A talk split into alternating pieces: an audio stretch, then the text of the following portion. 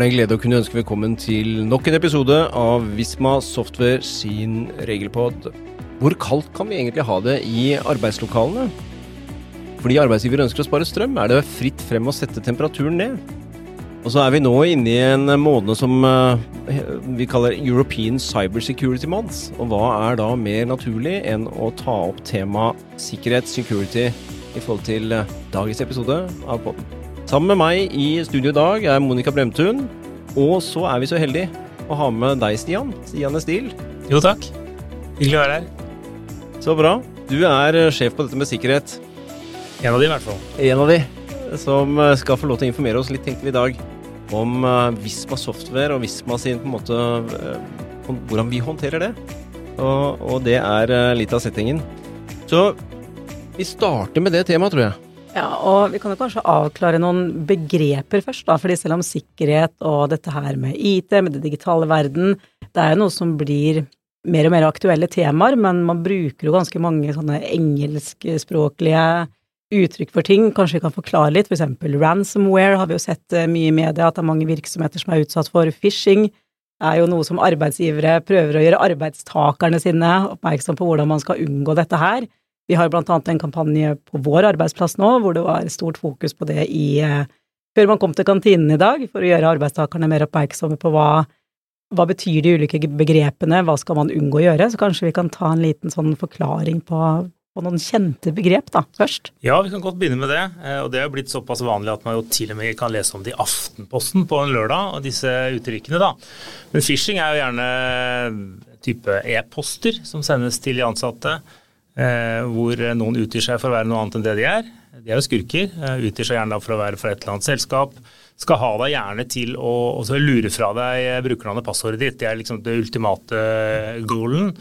Og da vil de jo gjerne lokke deg kanskje inn på en nettside f.eks. som ser, ligner på DNB sin som eksempel.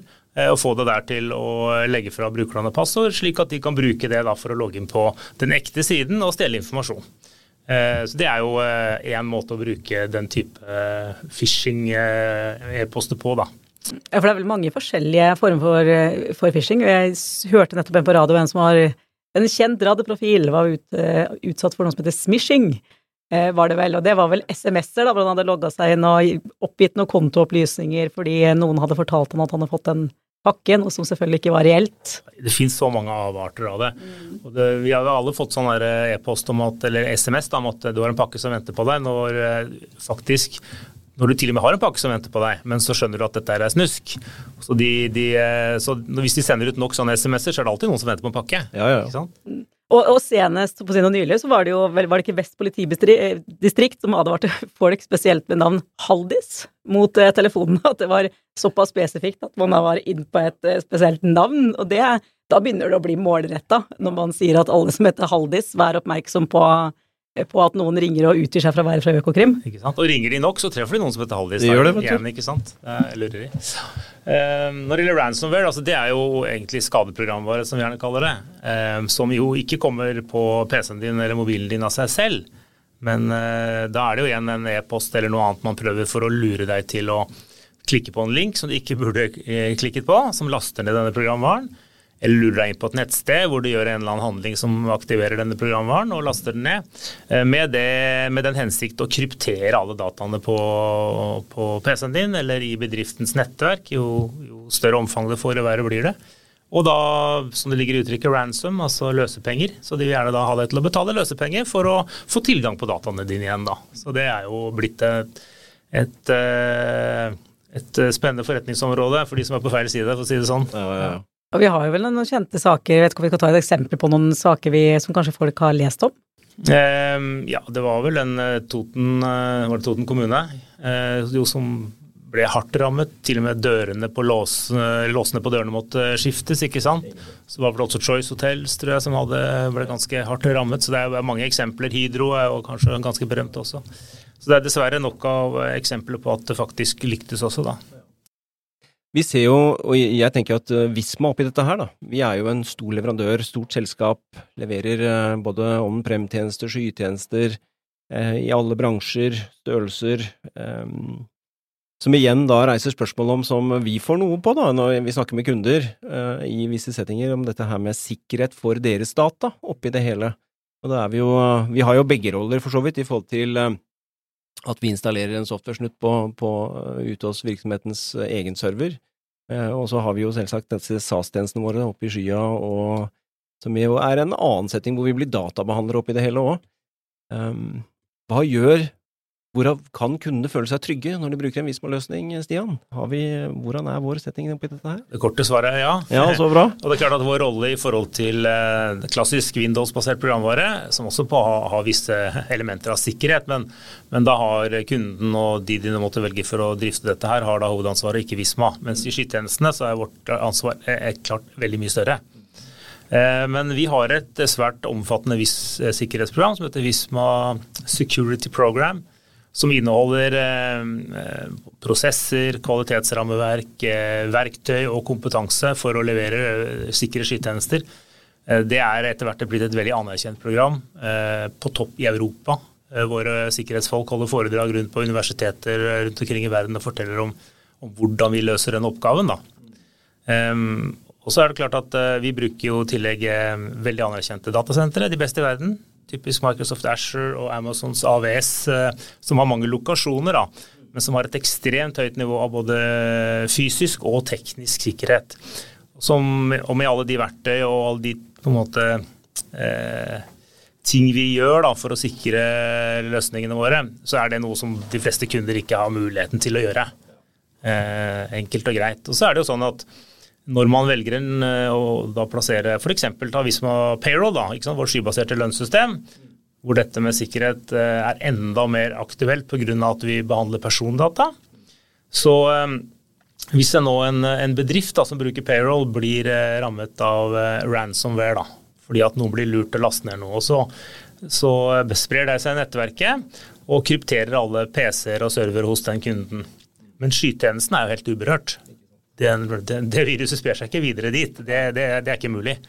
Så jo, De serverne vi bruker, der, der, er det jo ingen brukere. Det er ingen som laster ned mail der. Det er en ekstremt høyt nivå av sikring. Eh, og, og mer, mer, man da har i skyen, jo mindre er sjansen for at, eh, at noen av de tingene de da blir berørt, hvis det, ulykken skal være ute. Mm. Det høres jo veldig trygt ut, dette her. Jeg tenker Det er jo et godt poeng det at vi er så store og vi har, bruker de ressursene vi gjør på dette her, som vi jo eh, på en måte må for å håndtere så store kundevolum og så mye data som vi gjør. Eh, ja, vi bruker over 100 millioner i året bare på sikkerhetsprogrammet vårt, pluss selve utviklingen av altså, i sikkerhet i utviklingsarbeid også. Så hvis, eh, det er et av de virkelig store fokusområdene våre. våre som kunde da, så tenker jeg, hvor kan jeg gå og lese litt mer om dette her? Uh, I forhold til uh, En ting er at vi hører på oss og det vi snakker om nå, men kan jeg bruke, hvis jeg, har en, hvis jeg er en payroll-kunde, da, kan jeg finne noe konkret rundt dette her uh, på sidene våre, om payroll f.eks.? Det kan du definitivt. Jeg vil si at Det vi kaller Visma Trust Center, det er jo laget for, for kunder med kanskje som ikke har så veldig høy kompetanse da, på temaet, for å forklare de litt sånn overordnede tingene om hva vi gjør. Og det er Et interessant spørsmål er liksom, hvorfor skulle noen ønske å lese om det? Det er jo kjempekjedelig, syns ja. mange. Ja, ja, Så, og det, Da kommer vi inn på Noen tror jo at når du skal da velge et skybasert lønnssystem f.eks., det er skybasert, da er det er lik. Eh, ansvaret er ikke vårt lenger. Da er det, nå er vi som har sitt ansvar. ikke sant? Eh, men så enkelt er det jo ikke. Eh, den ene siden av saken, eh, det er jo det med, eh, med å outsource ansvar. Eh, og På engelsk så er det litt lettere synes jeg, å forstå det, for da snakker man om accountability og responsibility. Så selv om du overlater eh, til Visma å ta vare på dataene dine, overlater responsibility til oss, så er det fortsatt bedriften som er accountable, som til syvende og sist står ansvarlig overfor myndighetene.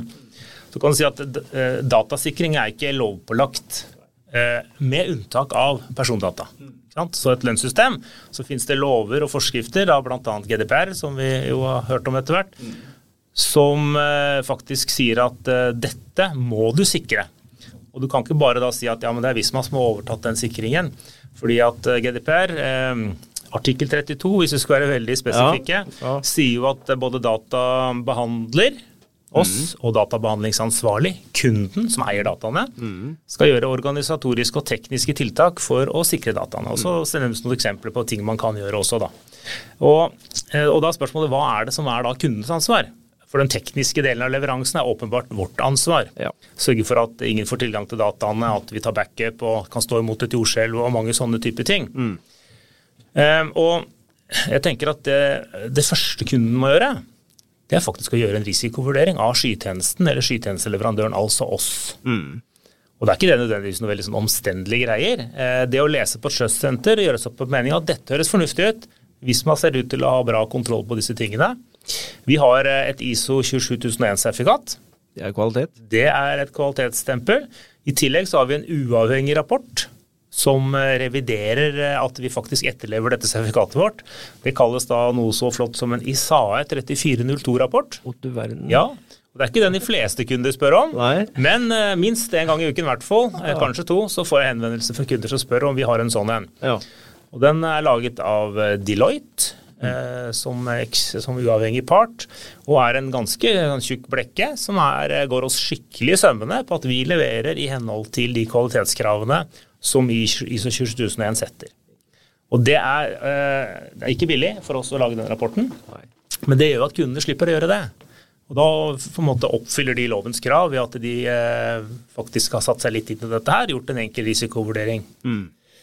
Og så en ting til er jo at eh, kunden kan jo f.eks. velge å bruke tofaktorautentisering. Så det er kunden som administrerer brukeren og bestemmer hvem som skal ha tilgang til lønnssystemet, Ja. og de andre til reiseregning og alle disse tingene. Det er kundens ansvar. Nå var jo eh, justisministeren ute på, i beste sendetid her på forrige uke og sa at nå må dere skjerpe dere, folkens, sa hun til det norske folk. Dere må se å få på tofaktorautentisering, til og med på Instagram og Facebook. Ja. Og i hvert fall i da Isma Payroll. Ikke Det er på en måte lett å forstå. Ja. Så, og I tillegg så er det sånn at det er kunden som er databehandlingsansvarlig. Det er kunden som eier dataene. Og i utgangspunktet så har ikke vi tilgang til de heller. Vi ser ikke kundens data. Så vi får jo spørsmålet ja, eh, hva slags Eller behandler dere persondata i deres løsninger? Mm. Da tenker jeg selvfølgelig at du skal kjøpe et eh, lønnssystem i skyen. Det er ganske naturlig at vi da behandler persondata, men det bør ikke du spørre oss om. Nei. Du som kunde bør ha et ganske klart bilde av hva slags data som, som du faktisk eier, du har tenkt å putte inn i dette lønnssystemet.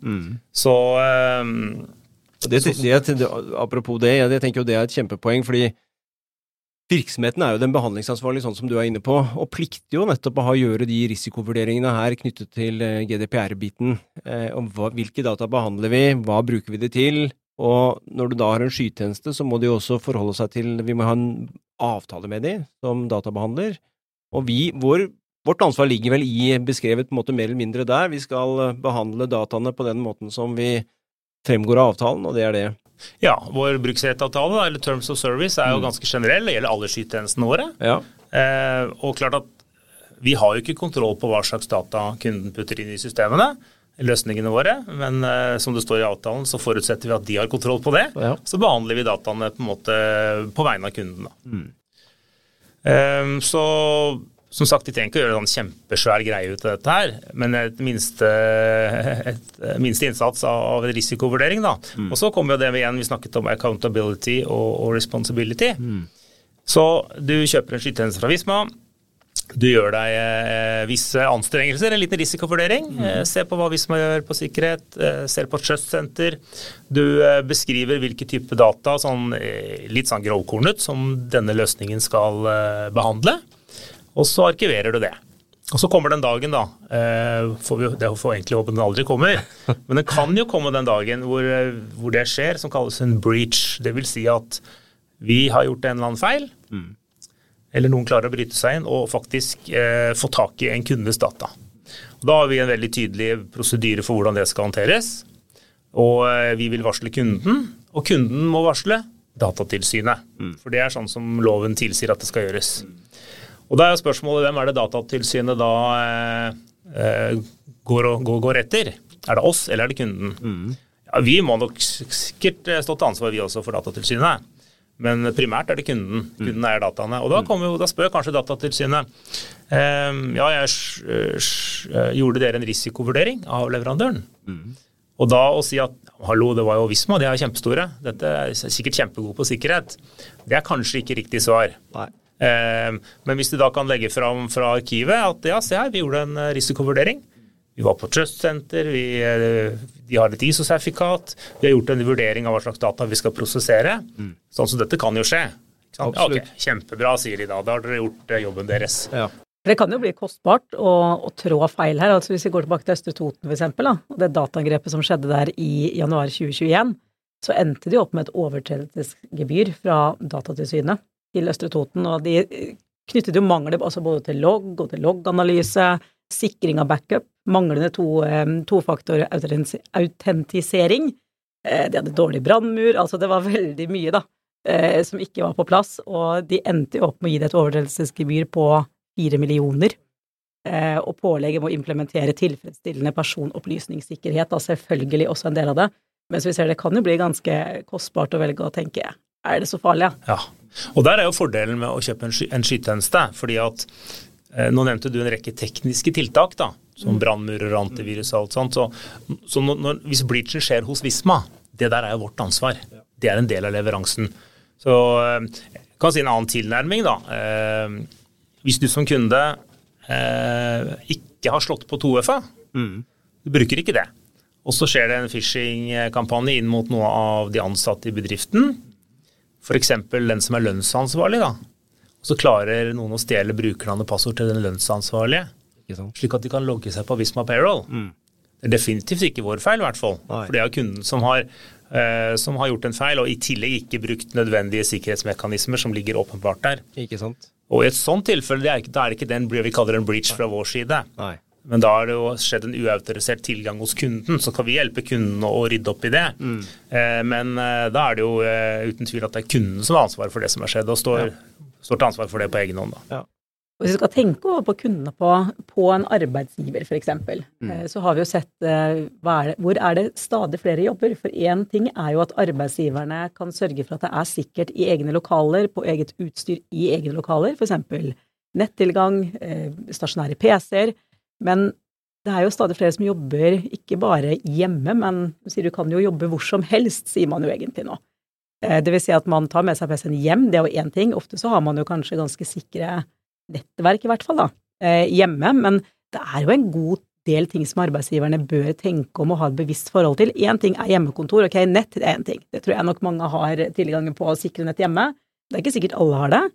Eh, men hva med hvordan får du lov til å bruke PC-en, hva får du lov til å gjøre på den? Får andre familiemedlemmer lov til å bruke den?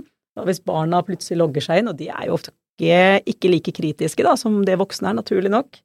Eh, hva skjer hvis de får lov til å bruke en jobb-PC, for eksempel? Hva hvis man ikke jobber hjemme? Hva hvis man går til kafeen på hjørnet, eller eh, sitter på en flyplass eller en togstasjon og logger seg på et wifi-nettverk? Hvilke retningslinjer har vi for det? Hva med å reise til utlandet? Eh, noen land er jo mer utsatt enn andre, f.eks. reiser til Kina.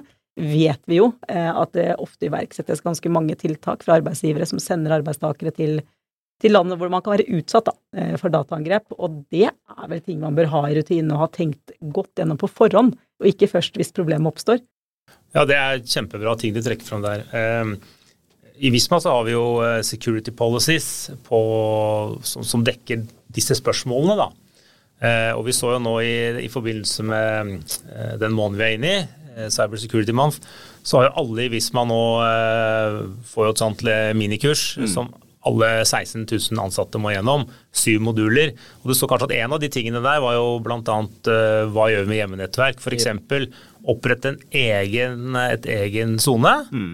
som bare du bruker til arbeid. Så er barna her på en annen enn som et eksempel. Da. Mm. Det, som er, det er en veldig relevant sak egentlig også fra kundesiden. fordi eh, har, altså De fleste kunder eh, stiller ingen spørsmål. Det er ikke dermed sagt de ikke gjør en risikovurdering. Eh, det kan være at de gjør for det. Kanskje de er på Trust Center og gjør de tingene jeg snakket om. Mm. Mm. Og så med en liten andel kunder som, eh, som det, gjør det de kaller, som kalles en vendor risk assessment. Det, det, gjelder ikke bare når de skal kjøpe noe fra Visma, det gjør i alle leverandører de skal kjøpe noe fra. Og så har de en egen for kjøp av skytjenester. Og liksom, den, den, kan typisk være en litt enkel en, 40-50 spørsmål om, om, hvordan vi jobber med sikkerhet. Og så er det sånn ordentlig verkstedklassen. Rekorden min er 970 spørsmål i et Excel-ark. Det, det var kanskje, da har det kanskje gått seg litt bort, tror jeg, men det er en annen sak. Men det som er interessant, er at de spør ikke bare om da hvordan vi sikrer skytjenesten. Nei. De spør hvordan vi sikrer eh, de ansatte, PC-ene og mobilene og alt annet som rører seg rundt. Fordi de vet like godt som, som oss at det svakeste leddet i hele leveransekjeden av en skytjeneste, det er fortsatt de ansatte. Og da snakker vi om En ting er utviklerne, som også teoretisk har tilgang til kundens data. Så hva slags regime har vi for å håndtere det? Da bruker vi bl.a. et uttrykk som kalles eh, privilege eh, access management. Som rett og slett går at altså, våre utviklere de får ikke tilgang til de serverne hvor dataene ligger uten videre. Det må du spesifikt be om tillatelse for å gjøre en bestemt oppgave i et begrenset tidsrom, og så logges det i tillegg. Så det er superstrengt. Mens eh, oss andre, da, som er mer vanlige brukere, det, det du er inne på, hva får vi lov å bruke PC-ene til? Hva slags opplæring får vi? Eh, er vi rett og slett der at vi ikke stoler på noen og hele tiden er litt på tå hev, sånn som det kanskje dessverre bør være? Det er en viktig del faktisk av leveransen av skytjeneste som, som de som har dette, altså har profesjonalisert denne prosessen da, som kunder, de er, de er gode på det, altså. Mens Bra. de fleste tenker kanskje ikke på det. nå. Og jeg tenker det er jo også en del av det der er jo en del av altså need to know-biten er en del av privacy-reglene òg. Du skal begrense tilgang, og, tilgang til data ut fra det regelverket, så du må jo som, som virksomhet sørge for at det også skjer, og særlig på lønn og personal, da, tenker jeg. Ja, spesielt der. Ja. Man behandler jo både disse vanlige personopplysningene og de mer sånn sensitive som man har ekstra strenge regler rundt. Jeg Det er viktig. En, en av folk som jeg husker jeg sånn tidlig på når man startet å jobbe med disse PC-ene, var jo på en måte at et godt sikkerhetstiltak var husk å låse PC-en når du går fra plassen din. Og jeg vil vel tro at vi har kommet litt lenger enn bare det. Selvfølgelig skal man fortsatt eh, ikke la PC-en stå åpen og tilgjengelig for alle hvis du går fra plassen din, men vi er vel kommet litt lenger enn det når det gjelder sikkerhetstiltak. Eh, heldigvis, får vi si. Ja da, eh, men samtidig er jo kanskje det sånne banale ting da, som eh, kundene spør jo igjen da, ikke sant? Ok, hos Visma har dere en eh, er det sånn at PC-en automatisk går i lokk etter x antall minutter hvis ingen bruker de? Nettopp fordi de vet at noen glemmer å låse de når de går fra de, da. Ikke sant. Det, Det har vi, hatt, vi hadde jo noen eksempler når vi var ute på veien og holdt noen foredrag og sånn. Så var det jo innimellom så, så fikk vi disse skrekkeksemplene på at du, du gikk fra PC-en din, det var lunsj, eh, og så ble det sendt en rekke mailer og mye greier fra den, ikke sant, for du hadde ikke låst den. Og det er jo det er litt krise. Og det er jo et veldig enkelt sikkerhetstiltak, men det er enkelt å innføre. Alle, nesten uavhengig av eh, digital kompetanse, klarer jo faktisk det tiltaket der. I høyeste grad, ja. Jeg, hør, jeg snappa opp noe om password manager. Ja. Er det for noe fint, Stian? Ja, Eh, passord er jo kanskje altså, Jeg tenker på det med sikkerhet. Da. Det er litt sånn som Jeg ser kanskje på meg selv som en sånn fastlege.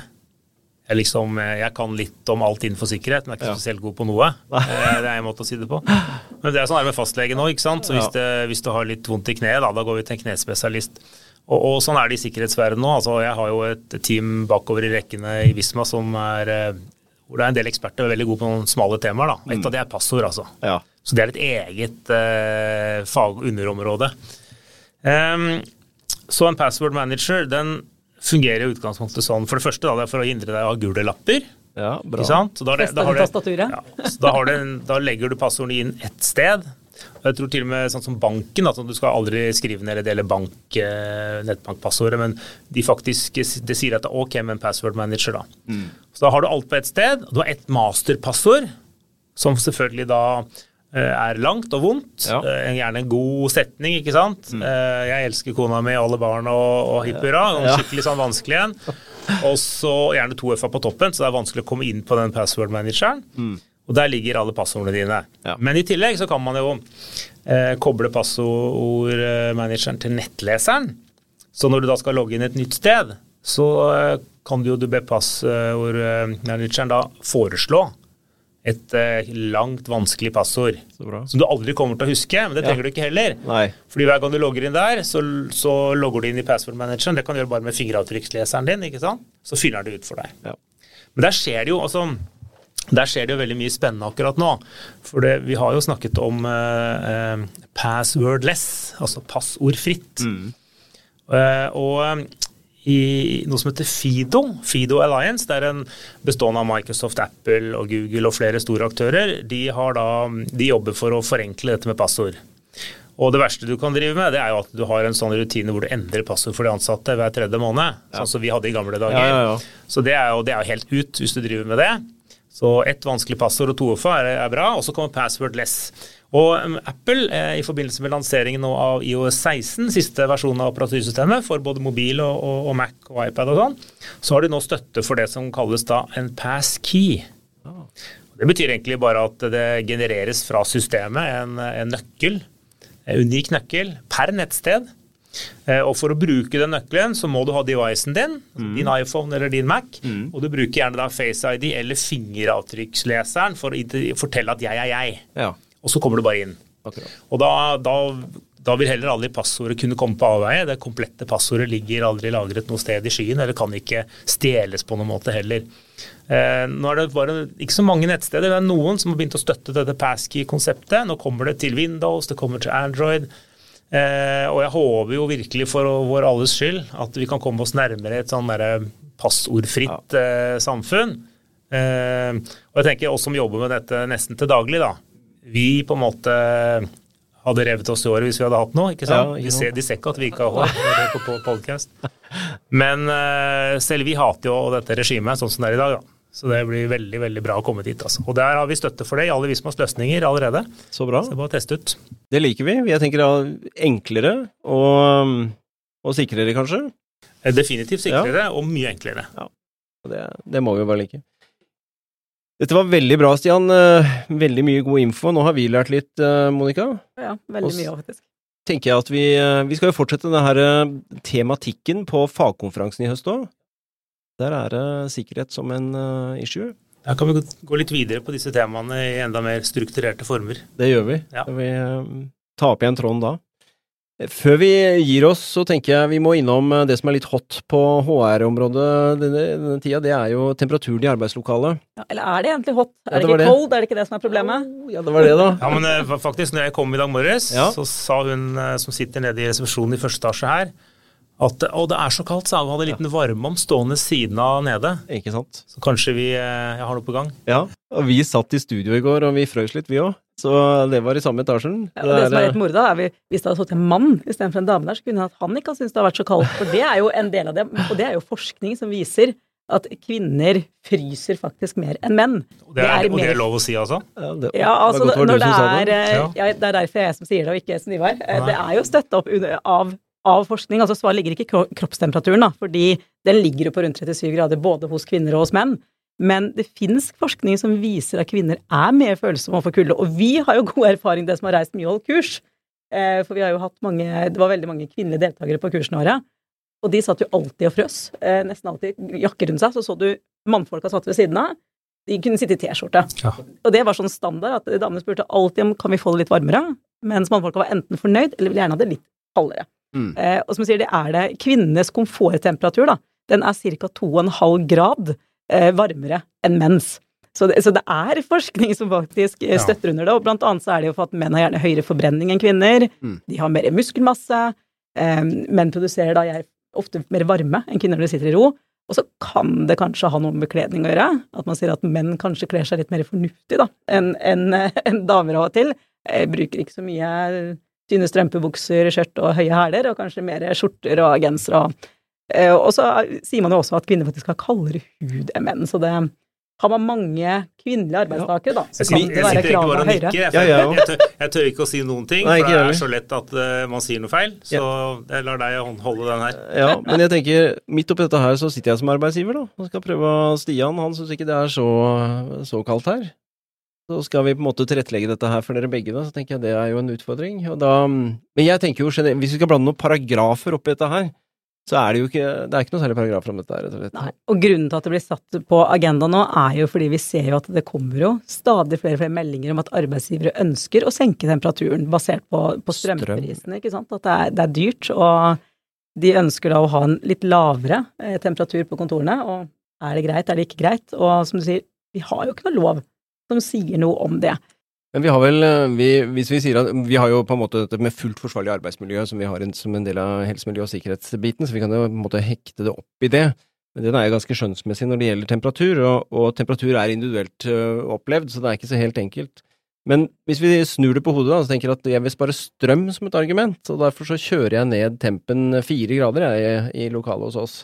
Det er smart, ikke smart, det, kan, det er en annen dialog, men kan jeg bare gjøre det, tenker jeg. Det ligger jo i utgangspunktet innenfor styringsretten at arbeidsgiver bestemmer temperaturen på arbeidsplassen. Men um, selv om ikke det er noen lovregler på det, så har jo Arbeidstilsynet laget en slags veileder da, for å gjøre det litt enklere rett og slett for arbeidsgiver. Og det det sier er at temperaturen knytter seg jo også litt opp mot hva slags arbeid utfører du. Altså sitter du stille på en stol eller løper rundt hele dagen, og det det sier at ved, ved, lett arbeid så bør ikke temperaturen under 19 grader, der på en måte setter vi smertegrensa. Da snakker vi kontorarbeid, tenker jeg. Kontorarbeid, ja. Eh, middels tungt arbeid, der går det helt ned til 16 grader, og ved tungt arbeid så går det faktisk helt ned til 10 grader, sånn i utgangspunktet. Ja. Mm. En slags benchmark ja, også, vi kan gå. Ja, og de har vel uttalt noe sånt at der på en måte, Man bør ikke gå under de temperaturene der. Eh, og så har man jo selvfølgelig unntak, da, for nå snakker vi om å varig senke temperaturen. Mm. Men vi har jo unntak f.eks. hvis det er strømbrudd eller den type hendelser, så, så vil jo det være en separat situasjon. Ja. Mm. Jeg har et sparetips på tampen her. Da. da bytter du til våre skytjenester, så slipper du å ha servere, og så kan dere ha litt høyere snittemperatur. det er helt glimrende. Ja, den er eh, Det var ikke dumt. Skal vi runde av med det, da, rett og slett? Det var um Bra tips, Stian. Takk. Ja. Og med det så hjertelig tusen takk for at du tok deg tid til å være med og snakke litt om sikkerhet. Vi kommer tilbake igjen til det. Tusen takk for meg. Jo, veldig hyggelig. Det blir ikke siste gangen. Og med det så sier vi takk for nå, og tune in, følg med. Neste episode kommer om 14 dager.